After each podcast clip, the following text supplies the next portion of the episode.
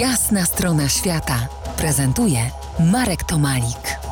Za kilka dni mija 100 lat od chwili urodzin Olgierda Budrewicza, podróżnika, reportażysty, ale i warszawianisty, o czym trochę później. Moim gościem pozostaje Grzegorz Micuła, który trochę podróżował po świecie z Olgierdem. Po wojnie Olgierd sporo jeździł po Polsce, robił reportaże dla przekroju. To go wyniosło? Te artykuły w przekroju?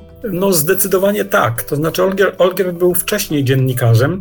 Podczas wojny uczył się na podziemnej y, w szkole, zrobił maturę, następnie y, wstąpił na Uniwersytet Warszawski, również podziemny i w międzyczasie, o czym dowiedziałem się niedawno, ukończył takie tajne kursy dziennikarskie a następnie jak e, walczył w Powstaniu Warszawskim na Żoliborzu, przez pierwszy miesiąc powstania walczył w linii, to znaczy strzelał, chodził na patrole i po miesiącu mniej więcej znaleziono płaską maszynę drukarską i dowódca, pułkownik Żywiciel, powołał redakcję takiego pisma powstańczego, to jest dziennik radiowy 20 drugiego obwodu Armii Krajowej. E, Olgierd został tam dziennikarzem, także jakby początek jego e, pracy dziennikarskiej to był korespondent wojenny. Zresztą później mówił, że to był jedyny moment, kiedy był korespondentem na wojnie. Później e, zaczął zajmować się zupełnie innymi sprawami. No i podróżować, podróżować. Bez paszportu załapał się na rejs, no bo z tym paszportem było ciężko,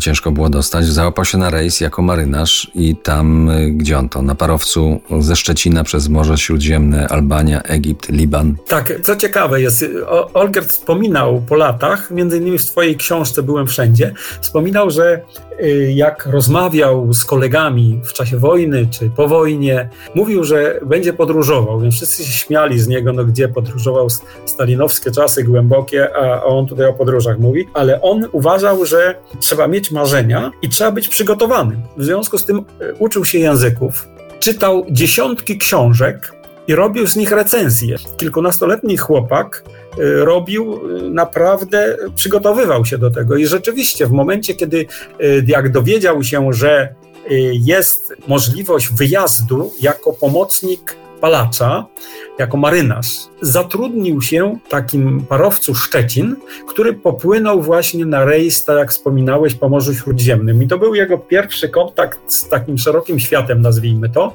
I rzeczywiście sypał, jak to się mówi, węgiel y, do, do kotła i, i, i płynął. A ponieważ był inteligentny, był dziennikarzem, przygotował serię artykułów i wysyłał je do przekroju. One się ukazywały w przekroju i była taka, też wspomina o tym w swojej książce Byłem Wszędzie, taka sytuacja, że przyszedł do redakcji przekroju. On mieszkał w Warszawie, przekroju w Krakowie oczywiście, więc przyszedł do redakcji. Jak go zobaczyli graficy, bo wszedł do pokoju grafików, to ponieważ Olger pisał y, artykuł o Libanie, między innymi o dzielnicy y, portowej, dzielnicy Czerwonych Latarni, y, gdzie opisał to bardzo, bardzo barwnie. I jeden z, z tych grafików powiedział: O, Budrewicz, prosto z burdelu, prawda? No takie, tak, tak, to, tak to wyglądało w tym czasie.